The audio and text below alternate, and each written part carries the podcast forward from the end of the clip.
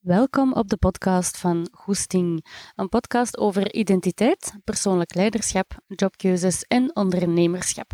Vandaag werken we rond de vraag: past jouw jobsituatie bij jou? Voilà. Waarom deze podcast? Um, eigenlijk omdat ja, je moet weten, als klanten bij mij komen, dan um, is de vraag meestal: ik ben niet meer gelukkig in mijn job, of ik wil iets anders, maar ik weet niet wat, of ik wil wel blijven in mijn job, maar er is iets dat mist, maar ik weet niet wat, enzovoort. Dus eigenlijk komt het er eigenlijk meestal op neer dat mensen meer helderheid en perspectief willen op hun jobsituatie.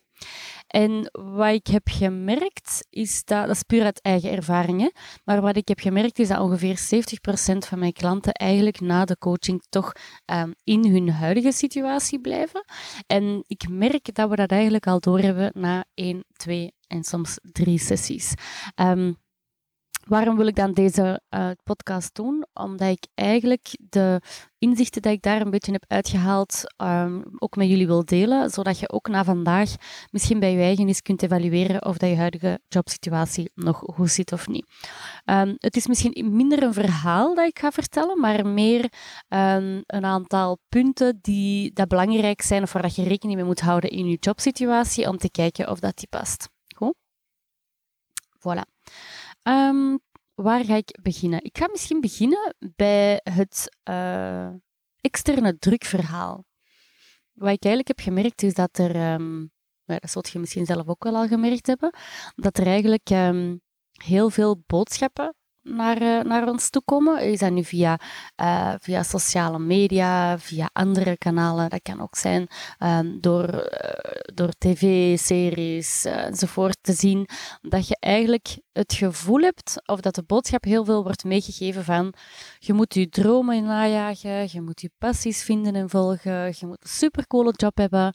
Um, waardoor, ja, hoe meer dat je die boodschappen krijgt, hoe meer dat je ook je eigen jobsituatie in vraag gaat stellen, terwijl dat je die misschien daarvoor helemaal niet in vraag stelde. Um, en als je die in vraag gaat beginnen stellen, ja, als je rondom u kijkt, zeker op sociale media, um, zijn er heel veel um, ja, de, de lucky ones, zeg maar, die dat echt hun dromen volgen. En als je daar dan naar kijkt en, en die mensen ook een beetje volgt, bijvoorbeeld, ik spreek dan bijvoorbeeld over een Instagram of zo, dan is de kans wel groot, of is het ook niet onlogisch, of is het gewoon heel menselijk, dat je ook gewoon daar zelf vragen over begint te stellen en dat je daar soms zelf een beetje onzeker van gaat worden. Um, waarom zeg ik dat? Omdat dat iets is dat ik eigenlijk in, in mijn praktijk heel veel hoor. Mensen die spreken over um, andere mensen die een job doen en waar dat ze van denken of zeggen van ja, dat is echt de passie um, dat ze hebben, of ze volgen echt hun dromen na. En, en ja, dat is ook wel dan misschien zo, maar um, dat wil ook nog altijd niet zeggen dat jij dat ook moet doen. Of dat wil ook niet zeggen dat je job niet goed is. En daarom vind ik het belangrijk om deze aflevering met u te doen. Want als je na deze aflevering denkt van oké, alles wat ze nu verteld hebt, heeft, ja, dat zit eigenlijk wel goed, dan het eigenlijk helemaal oké. Goed? Voilà. Um, ja, want trouwens, ik had daar nog een voorbeeldje van geschreven. Dat is zo'n beetje hetzelfde. We hebben zo een, een, aantal jaar geleden een periode gehad waar dat er eigenlijk heel veel koppels rondom ons uit elkaar gingen. En dat is heel bizar, maar wij waren automatisch ook aan het twijfelen. En we hadden eigenlijk een heel moeilijke situatie op dat moment. Alleen een moeilijke periode. Omdat wij eigenlijk in onze eigen relatie, Dominique en ik, dat we eigenlijk ook onzeker begonnen te worden en twijfels begonnen te krijgen. Tot wij beseften van ja, dat heeft eigenlijk helemaal niet te maken met... Dat zijn helemaal niet onze twijfels, maar dat is eigenlijk omdat rondom ons dat er zoveel gebeurt dat wij eigenlijk ons eigen ook in twijfel beginnen trekken. En dat is nu natuurlijk een voorbeeld uit een heel andere situatie, maar eigenlijk is het principe, zeg maar, is eigenlijk wel hetzelfde. Zie je dat? Voilà. Nu, als je gaat kijken um, naar wat dat invloed heeft op je jobsituatie of je algemene tevredenheid, ik heb er een aantal, ik ga er met u even allemaal overlopen. Ja? De eerste is uiteraard inhoud. Um, het is belangrijk dat als je kijkt naar je taken of je jobinhoud, dat je op de vraag kunt antwoorden op de vraag: um, geeft u die taak energie of niet? Dat je op die vraag ja kunt antwoorden. Um, het gaat niet over hoe belangrijk dat die bepaalde taak is, maar het gaat erover: geeft u die taak echt energie? Worden daar warm van? Worden daar enthousiast van? Ja of nee? Een oefening dat ik daar eigenlijk mee doe met mijn klanten is eigenlijk dat ik um, al taken eens laat oplijsten en ze dan een kleur laat geven. Rood als die taak u veel energie kost of stress geeft en groen als die taak er een is dat u heel veel energie geeft. En op die manier kun je eigenlijk heel visueel gaan zien één, waar dat uw energie ligt, maar uh, ook ja, hoeveel rood heb je en hoeveel groen heb je. En dat is eigenlijk al een hele goede beginoefening om te gaan kijken of dat je job inhoudelijk al bij past. Ja? Dus nog even heel kort. Het gaat niet over hoe belangrijk is die job of die taak voor mijn job, maar hoeveel energie geeft die taak mij. Goed? Oké, ehm, dan wat nog? Verwachtingen. Um, het is heel belangrijk dat je weet wat je moet doen. Of dat je weet wat je aan het doen bent. En ook daar merk ik nog heel veel, zeker bij mensen die net beginnen in een job, dat ze eigenlijk niet zo goed weten wat van hun verwacht wordt. Of dat hun leidinggevende of hun collega's eigenlijk ook niet zo goed weten wat, dat, wat dat ze kunnen verwachten van u. Dus daar is het wel belangrijk, um, zorg ervoor dat het duidelijk is, want dat is eigenlijk het beginpunt. Als er geen duidelijkheid is, dan kun je ook niet beginnen bouwen en dan kun je ook niet werken aan een situatie die bij je past. Dus ga eens even zien, is het voor mij duidelijk? Dan, eigenheid. Dat is voor mij een hele belangrijke, misschien wel de belangrijkste. En dat is, kun je jezelf zijn op je werk. Wil dat zeggen dat je 100% de persoon uh, moet zijn die dat je thuis bent? Ja, misschien ook niet per se, omdat je ook in een job altijd wel hè, een soort van rol hebt. Maar het is wel belangrijk dat je in die rol, dat je daar ook wel je eigen in kunt zijn. Dat je op je gemak bent, dat je veilig voelt en dat je ook open kunt zijn over wie dat je zij, wat dat je nodig hebt. Um, dat je feedback kunt geven, dat je feedback ook kunt incasseren. Um, en dat is wel een heel belangrijke. Wat bij eigenheid ook wel belangrijk is, is um, in welke mate kun je je sterktes gebruiken in je job of niet. Als je die oefening van de er eens bijpakt met die taken, als je die allemaal hebt opgelijst, zou ik misschien zelfs nog een extra kolom maken en dat je daarnaast eens gaat um, noteren van welke sterkte heb ik die ik nodig heb om deze taak te kunnen doen. En op die manier gaat je ook daar kunnen zien in welke mate dat je je je volle potentieel sorry, kunt gebruiken in je, uh, in uw job. Dan hebben we ook naar, en natuurlijk, als we gaan spreken over sterktes, hebben we ook nog het stukje valkuilen. Um, valkuilen zijn eigenlijk sterktes dat we soms te veel gaan inzetten, waardoor dat, dat onze valkuil wordt. Bijvoorbeeld, um, stel dat je een hulpvaardige persoon bent, dat je heel graag mensen helpt en dat dat je sterkte is, dan bestaat het risico wel dat als je dat te veel gaat doen, dat je eigenlijk gaat beginnen pleasen.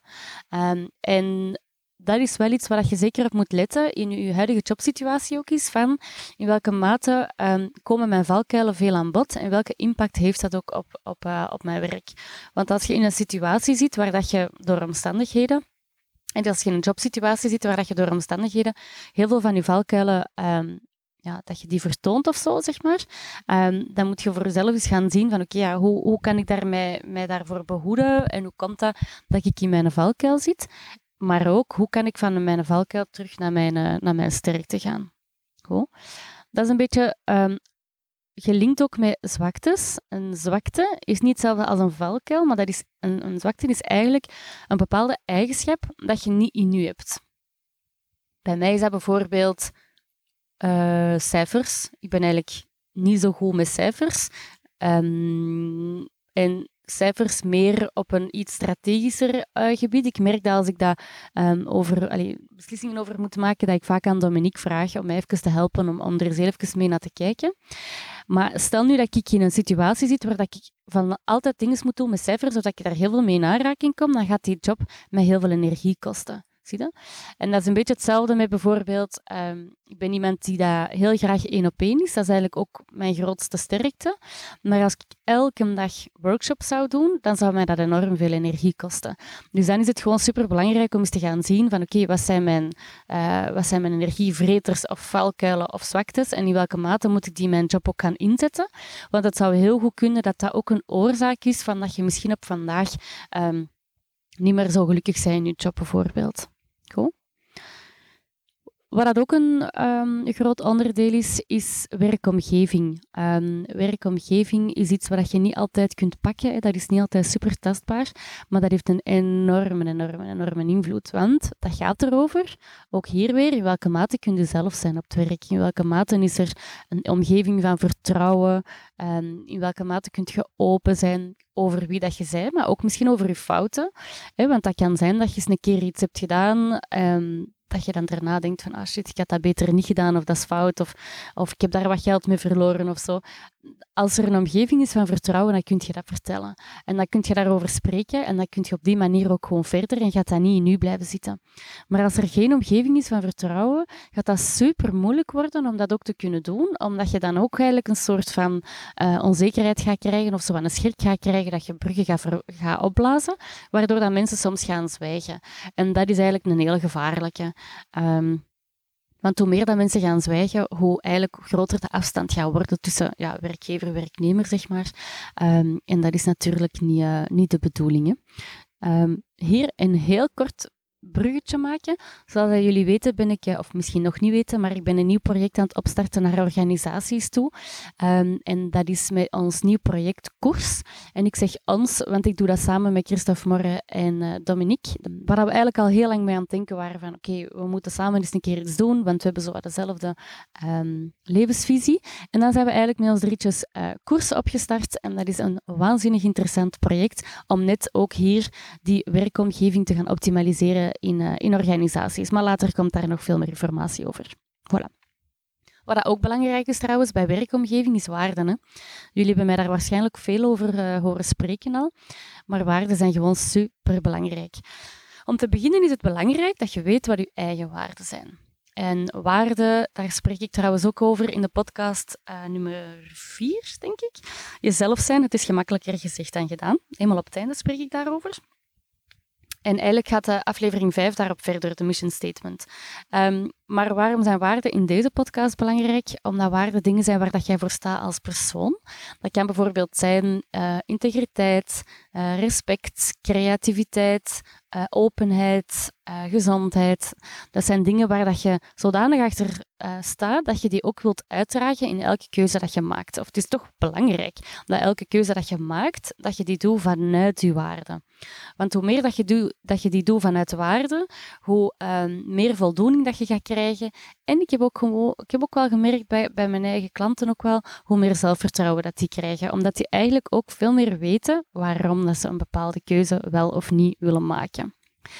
Um, waarde, ja natuurlijk, hoe dichter dat uw waarden leunen of aanleunen bij de waarden van de organisatie, hoe beter dat een match gaat zijn. Ik ga daar een voorbeeld over geven. Stel dat je bijvoorbeeld um, duurzaamheid heel belangrijk vindt en jij werkt in een organisatie waar dat er bijvoorbeeld heel veel processed uh, vlees is, bijvoorbeeld, um, of een vleesverwerkend bedrijf, ja, dan gaat het waarschijnlijk moeilijk zijn voor je om daar te werken. Een ander voorbeeld is bijvoorbeeld, um, stel dat je eerlijkheid heel belangrijk vindt en integriteit. En je moet misschien producten verkopen aan je klanten waar dat je eigenlijk van weet dat dat niet de beste producten zijn, maar je zit met die, die hete adem van die targets dat je moet halen, dan gaat u dat ook gewoon heel veel energie kosten, omdat je eigenlijk weet dat je niet het correcte aan het doen bent voor je klant. En hoe sterker dat die waarde gaat zijn voor u, hoe moeilijker dat het ook voor u gaat worden om die job te blijven doen, omdat dat gewoon niet strookt met wie dat je bent. En dat is de reden waarom dat, um, waarden zo belangrijk zijn. En ik heb ook gemerkt, maar dat is puur uit, uit eigen ervaring vanuit de praktijk, dat waarden um, tot nu toe toch bij heel veel klanten dat het daar het schoentje wringt. Dat ze misschien jobinhoudelijk supergoed zitten. Dat ze misschien heel goed um, overeenkomen met hun collega's. Um, dat ze misschien ook hun sterktes kunnen gebruiken, maar toch mist het er iets. En dan zijn dat soms de waarden. Dat ze zeggen ah god, ja, dat is wel. Of bijvoorbeeld, ja, um, mensen die daar vrijheid enorm belangrijk vinden en misschien in een organisatie zitten dat gestuurd is vanuit controle of die dingen, of een organisatie waar dat er minder flexibiliteit is, ja, dan gaat dat gewoon heel moeilijk worden. Um, wil dat dan zeggen, als die waarden niet stroken, dat je direct moet vertrekken na deze podcast van je organisatie? Nee, helemaal niet. Maar je zou wel eens kunnen gaan kijken van oké, welke waarde strookt er hier nu en wat kan ik eraan doen om in mijn huidige situatie um, te, dit te optimaliseren. Je zou bijvoorbeeld eens een gesprek kunnen aangaan hè, met je baas bijvoorbeeld, om eens te kijken van zie, ik, heb, ik merk dat um, ja, ik vind vrijheid heel belangrijk, maar in de huidige structuur, hoe het nu is, nu is voel ik dat dat soms wel wat botst. Hoe ziet jij dat? Of, of hoe kunnen we dat nu optimaliseren? Um, want uw leidinggevende of uw baas, ja, die heeft ook liever dat jij blijft, zeker als je op zich wel goed zit in de job, qua inhoud en met de collega's, en dat je je eigenlijk best wel goed voelt, maar dat het meer gaat over iets anders, dan, dan geeft je die persoon ook de kans om iets aan je situatie te doen. En dit is eigenlijk meteen al een um, die ik enorm belangrijk vind. Dus ik kan er ineens op, uh, op inspelen. Als er bepaalde dingen zijn in, van, na deze podcast of, of in het algemeen, waar dat je mee zit op je werk, praat daarover. Praat daarover met mensen die je kunnen helpen om je situatie te gaan optimaliseren. Want hoe meer dat je erover praat, hoe meer dat je de kans krijgt en jezelf de kans geeft, maar ook de anderen de kans geeft om iets aan die situatie te doen. En als je daar niet over spreekt, dan kun je ook niet achteraf um, de anderen gaan, moet je dat zeggen, gaan blamen. Ik weet niet het andere woord. Uh, Allee, ik ben het woord kwijt. Dan kun je achteraf ook niet de andere gaan blamen dat hij niks aan je situatie heeft veranderd. Je moet er eigenlijk altijd van uitgaan dat de ander niet weet wat er in je hoofd speelt. Ja? Ik ben nu deze aflevering aan het doen en ik weet ook helemaal niet wat er nu in je hoofd allemaal omgaat. Dat kan zijn dat je denkt van, maar die praat veel te snel, veel te traag. Waar gaat hij over? Ik snap het niet. Ik vind het niet duidelijk. Uh, oh, ik vind het super interessant. Dat kan van alles zijn. Maar ik weet niet wat er speelt. Ja? En dat is een beetje hetzelfde op het werk. Ik weet, ik, nee, niet ik natuurlijk, want wij zijn geen collega's. maar je weet gewoon niet wat de andere mensen denken. Dus gaat er ook niet van uit dat ze wel zullen weten wat dat je denkt en dat, dat, dat ze wel weten wat dat je verwacht van hun. Dat is niet zo. Praat daarover. En met dat te zeggen, vind ik het ook um, toch wel belangrijk om mee te geven van weet dat je eigenlijk je loopbaan echt wel een heel groot stuk zelf in de hand hebt. Um, want als er bepaalde zaken zijn waar dat je mee zit en je spreekt daarover, dan ga je er ook iets aan kunnen doen. En op die manier gaat je ook veel proactiever in je loopbaan gaan staan en gaat je ook veel meer jezelf wat kunnen kneden en zelf je richting een stukje gaan kunnen bepalen. En het is echt niet omdat je bepaalde gesprekken gaat aangaan um, op het werk, dat die gaan denken dat je gaat vertrekken. Als je dat goed kadert en als je goed kadert van kijk, ik wil blijven, ik ben hier content, ik zit alleen met een bepaald idee of ik zit alleen met een bepaalde... Um, met een bepaalde issue waar ik eens over wil praten om te kijken hoe dat we het kunnen optimaliseren, dan ga je merken dat je, uh, dat je organisatie dat ook alleen maar gaat appreciëren. Waarom? Omdat je het zelf in handen neemt en dat ze er ook iets aan kunnen doen. Dus je hebt eigenlijk echt wel veel meer, um, veel meer vet op je loopbaan dan dat je misschien zou denken. Zeker na deze podcast, ga zeker eens gaan kijken wat er misschien voor u de, de pijnpunten zijn en ga daarmee aan de slag. Goed? Voilà, we hebben er gesproken over een aantal um, heel tastbare dingen. Zijn de um, jobinhoud, duidelijke verwachtingen, kunt je sterktes gebruiken, kunt je uzelf zijn, een werkomgeving die bij je past en de waarde. Ja?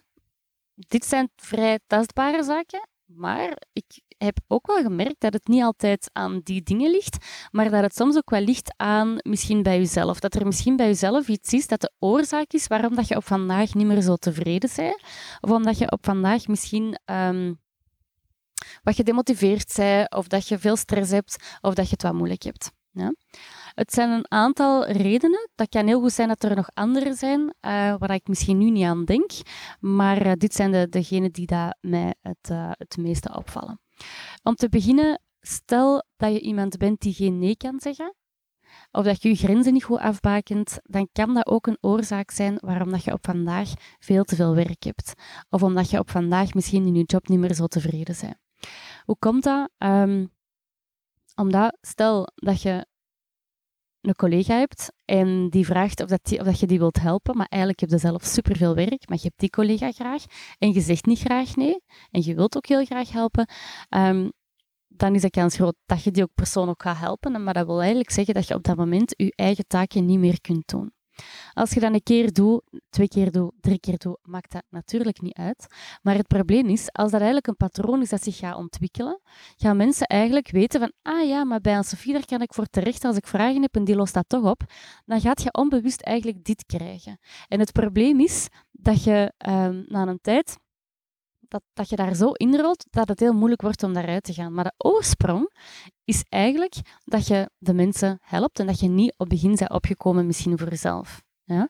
Um, heel zonde voor jou, want ja, je raakt overwerkt en mensen komen eigenlijk hun problemen droppen bij u terwijl dat, dat eigenlijk helemaal niet uw verantwoordelijkheid is.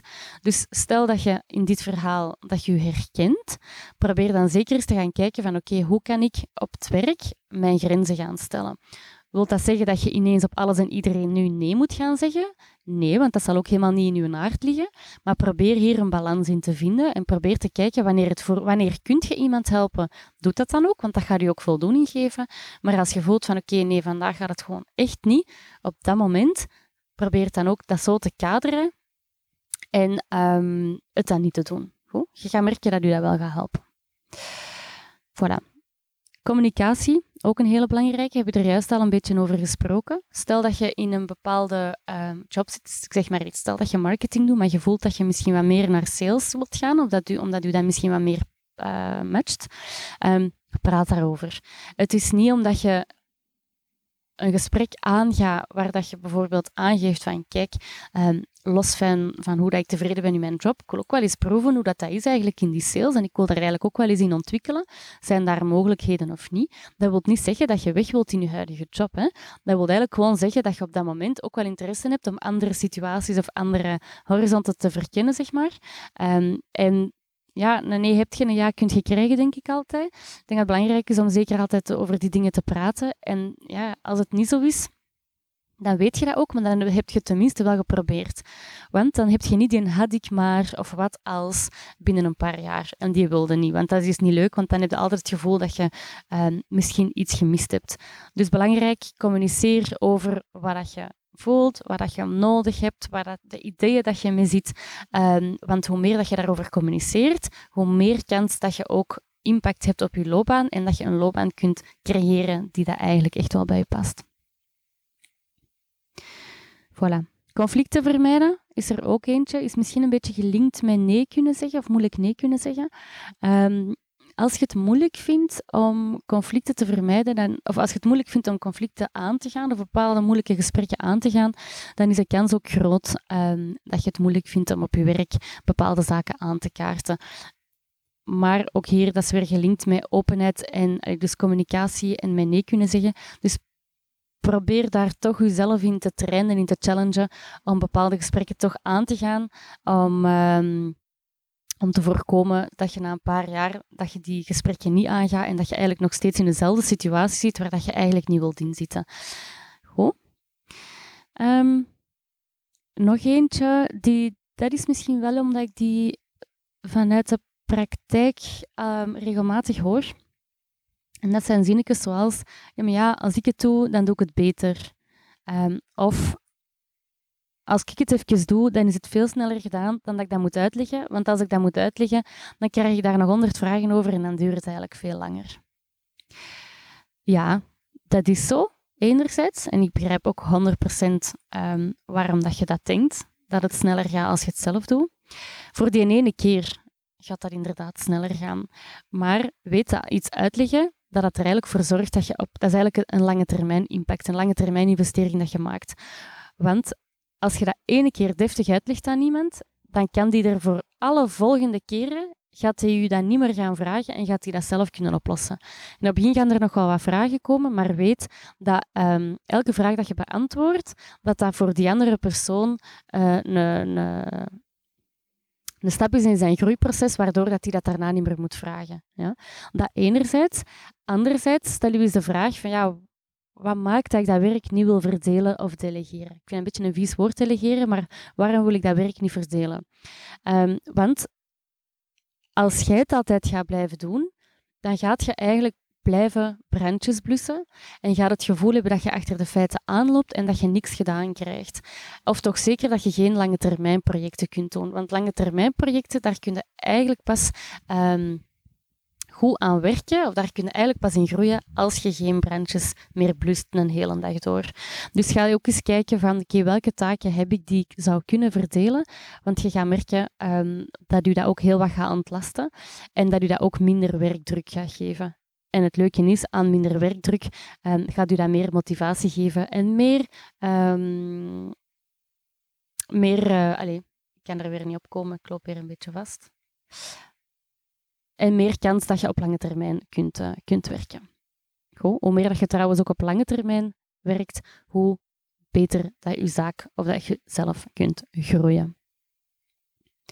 Voilà. Um, stel dat je een leidinggevende bent, um, of je zit in een nieuwe rol, maar je weet eigenlijk niet zo goed hoe dat je daarmee moet omgaan, en je loopt daar wat op vast, laat jezelf daar op stuk op coachen. Um, want blijf daar niet mee zitten. Ik heb dat in een tijd ook gehad. Ik zat in een, uh, in een rol waar ik een, uh, een team had of een kantoor moest trekken. Dat was nog in mijn job als recruiter. En eigenlijk had ik totaal geen benul hoe dat ik dat moest doen. En ik liep daar zodanig op vast dat mij dat enorm heeft geïmpacteerd als persoon. Dat ik daar heel onzeker van ben geworden toen in die rol. Waardoor dat ik nu nog altijd een beetje een afkeer heb tegenover um, een, uh, een team hebben. Nu, ik ben mij daar wel al van bewust dat dat toen heel situatiegebonden was. Waardoor dat ik het nu dus wel ga doen. En want binnenkort zijn we met twee. Of ja, we zijn eigenlijk met twee vanaf deze week. Um, maar dus als je ook het gevoel hebt van ik zit in een rol en op zich wil ik daar wel in leren, maar ik loop erop vast, laat u daarin coachen. Dat kan bij mij, maar dat kan ook natuurlijk ook bij heel wat andere coaches. Hè? Cool. En dan hebben we nog een grote um, belemmerende gedachte. Wat is dat? Dat zijn eigenlijk gedachten die ervoor gaan zorgen dat je je eigen uh, niet gaat helpen of dat je je eigen gaat belemmeren. En dat zijn gedachten zoals, ja, maar kan ik dat wel? Ben ik wel goed genoeg? Anderen zijn beter, mijn collega's kunnen dat beter. Um, wat ga ik anders doen als ik deze job niet meer wil doen? Waardoor, als je die gedachten vastpakt en die ook als waarheid aanziet, dan beweeg je nooit niet meer. Um, we hebben zoveel gedachten. We hebben ongeveer 40.000 à 60.000 gedachten op een dag, wat echt waanzinnig veel is. En sommige van die gedachten gaan ervoor zorgen dat we ons eigen gaan saboteren en niet gaan groeien of niet gaan verder stappen. Het is superbelangrijk om te gaan kijken, wat is hier een gedachte en met welke gedachte ga ik voort en wat, wat doe ik met mijn gedachten? Het is niet omdat ik um, onzeker, of het is niet, ik had er eens gesproken over dat team. Het is niet omdat ik nu een collega bij heb um, als ik, als ik mijn gedachten zou. Maar ik ben even aan het zoeken naar mijn woorden. Maar als ik mijn gedachten zou um, geloven en, en daar die volledig zou binnenpakken, dan zou ik nooit met Charlotte zijn, hebben samengewerkt. Omdat ik um, altijd met die, die gedachten in mijn hoofd zou zitten: van, goh ja, is dat wel voor mij? Wil ik dat wel? Ga ik daar wel goed in zijn? Maar ik ben gewoon gaan kijken van oké, wat ik niet wil, is leiding geven in een hiërarchie. Wat ik wel wil, en wat dat veel meer bij mij past, is ik wil eigenlijk gewoon samenwerken met een partner. Ik wil samenwerken met iemand die dat met mij meedenkt, die dat eigenlijk gewoon naast mij staat, in plaats van boven, onder of whatever waar. En op die manier heb ik gaan zien, wat ga ik met die gedachten doen? Omdat ik voelde, er moest iets veranderen, maar ik wou niet... Um, ik wou ook niet niks doen en ik wou vooral um, dit verhaal op een zodanige manier vormgeven dat ik er een energie van zou krijgen en dat dat goed zou voelen. En dat is eigenlijk een voorbeeld van hoe dat je kunt omgaan met je gedachten. Ja? Voilà. Je gedachten trouwens, een klein extra oefeningetje. Stel dat je zegt van, oh ja, wat zijn eigenlijk mijn gedachten? Ik weet dat niet. Um, of ik weet eigenlijk niet goed wat, welke gedachten dat veel voorkomen. Je moet gewoon eens op het einde van een dag een beetje tijd pakken om eens te gaan denken van oké, wat zijn eigenlijk dingen vandaag die mij onzeker hebben gemaakt of die mij um, bepaalde gedachten die in mij zijn opgekomen die dat ik niet leuk vond of waar ik naar heb geluisterd en dat ik niet zo goed wist wat ik daarmee moest doen, schrijf die eens op. En meestal zijn dat zaken vanuit de ik-vorm. Ik kan dat niet, ik ben niet goed genoeg, enzovoort. Als je dat een paar dagen doet, dan gaat je daar patronen in leren herkennen en dan gaat je daar ook aan kunnen beginnen werken. Goed? Ook hier, als je daar ooit aan wilt werken, dan kun je dat altijd uh, bij mij doen. Of bij andere coaches natuurlijk ook. Oké, goed. Um, dan, we hebben al gesproken over um, alles rond de impact op werktevredenheid, uh, maar ook alles wat te maken kan hebben ook met jezelf. Hè. Geen nee kunnen zeggen, niet goed kunnen communiceren of niet weten hoe dat je moet communiceren, conflicten vermijden, um, het moeilijk hebben met taken verdelen en belemmerende gedachten. Ja? Nu, als je gaat kijken naar de toekomst, ik heb er juist al over gesproken, maar je weet dus dat je veel meer impact hebt op je loopbaan dan dat je misschien zou denken. Als je kijkt bijvoorbeeld in een uh, sollicitatiegesprek. Sollicitatiegesprekken gaan niet over je moet je overtuigen, je moet ze overtuigen, je moet jezelf verkopen, je moet keigoed uh, overkomen. Mm, nee, ik ben daar niet meer mee akkoord, want hoe meer dat je daarop gaat focussen, hoe verder dat je van jezelf gaat staan en dat je dingen gaat zeggen waarvan dat je denkt dat die mensen dat willen horen. Maar eigenlijk willen die dat helemaal niet horen. Die willen horen wie dat je zei, die willen u leren kennen en die zien dat eigenlijk ook als een gewoon kennismakingsgesprek. Want ze hebben een aantal mensen dat ze zien en ze willen gewoon eens even kijken van, oké, bij wie voelen we de beste match? Of bij, bij wie past het beste in het team? Of wat hebben we juist nodig van ervaring? En hoe eerlijker dat jij zei, hoe meer vat dat zij hebben op wie dat je als persoon. Ik moet zeggen, toen ik zelf recruiter was, um, ik vond dat super moeilijk. Um, als ik voelde dat mensen zichzelf wouden verkopen of mij wouden overtuigen, omdat ik merkte van, ik heb geen vat op die mensen en ik weet nu eigenlijk niet van wat ze nu zeggen, is dat nu zo of niet? Waardoor het voor mij ook gewoon heel moeilijk werd om die ook op de juiste uh, plek te zetten. En ik merkte de mensen die dat heel eerlijk waren, ook over hun valkuilen, dat dat eigenlijk de mensen waren waar ik het meeste mee kon doen, omdat ik gewoon voelde van, oké, ik heb daar een goed beeld van. En dat werkt enorm. Dus zorg ervoor in een sollicitatiegesprek dat je echt vertrekt vanuit jezelf. Van oké, ik ga gewoon eens vertellen over wie dat ik ben. Ik ga vertellen over wat mijn sterktes zijn, maar ook mijn valkuilen. Um, ik ga ook duidelijk zijn, wees ook duidelijk over je verwachtingen. Wat heb je nodig, wat heb je zeker niet nodig? Want dan weten zij ook gewoon veel beter wie, wie dat zij voor u hebben. En als zij ook zelf de sollicitatie of de job uh, gaan voorstellen, um, bekijk dat ook kritisch. Hè. Het is niet om, om, omdat zij zeggen van oké, die en die en die taken, dat is het takenpakket, dat je daar nul inspraak in hebt. Als de klik goed zit en die mensen staan een klein beetje open voor gesprek, wat dan normaal echt wel is, dan kun je dat ook in... Uh, in overeenstemming kun je ook wel gaan kijken van oké, hoe kunnen we dit nu zo optimaal mogelijk uh, organiseren. Goed? Volg dus niet klakkeloos wat u gevraagd wordt, maar ga daar dus ook kritisch mee naar kijken en denk ook mee. Hetzelfde op een nieuwe werkplek. Hè. Stel dat je op een nieuwe werkplek komt met allemaal nieuwe mensen. Um, je, het is eh, super leuk en interessant om eens, ook eens te spreken over ja, wie zijt je eigenlijk? En, en spreek eens over, um, kijk, kijk, dat is hoe dat ik werk. Hoe werkt jij? Of wat doet jij het liefste? Want stel bijvoorbeeld dat de ene heel ongedwongen is en jij bent heel gestructureerd. Onbewust gaan we van elkaar hetzelfde verwachten dat we zelf doen. Maar als een andere persoon een heel andere persoonlijkheid heeft, dan gaat dat ook gewoon botsen. Waarom? Het is niet omdat ik heel veel structuur hanteer, dat die ander dat ook heeft en dat dat voor die anderen ook goed werkt. Maar als dat niet uitgesproken wordt, dan gaat dat zo een onderhuidse irritatie beginnen krijgen, onbewust. En op het begin vind je dat nog niet zo erg, want je geeft elkaar nog heel veel krediet. Maar na een tijd gaat zich dat opstapelen. Maar als je op voorhand gewoon zegt van, kijk, dit is hoe ik werk, hoe werkt jij en hoe kunnen we dit als team samen gaan aanpakken, dan gaat je daar ook veel beter op kunnen anticiperen. Dus spreek daarover. Je ziet, er gaat heel veel terugkomen over spreken.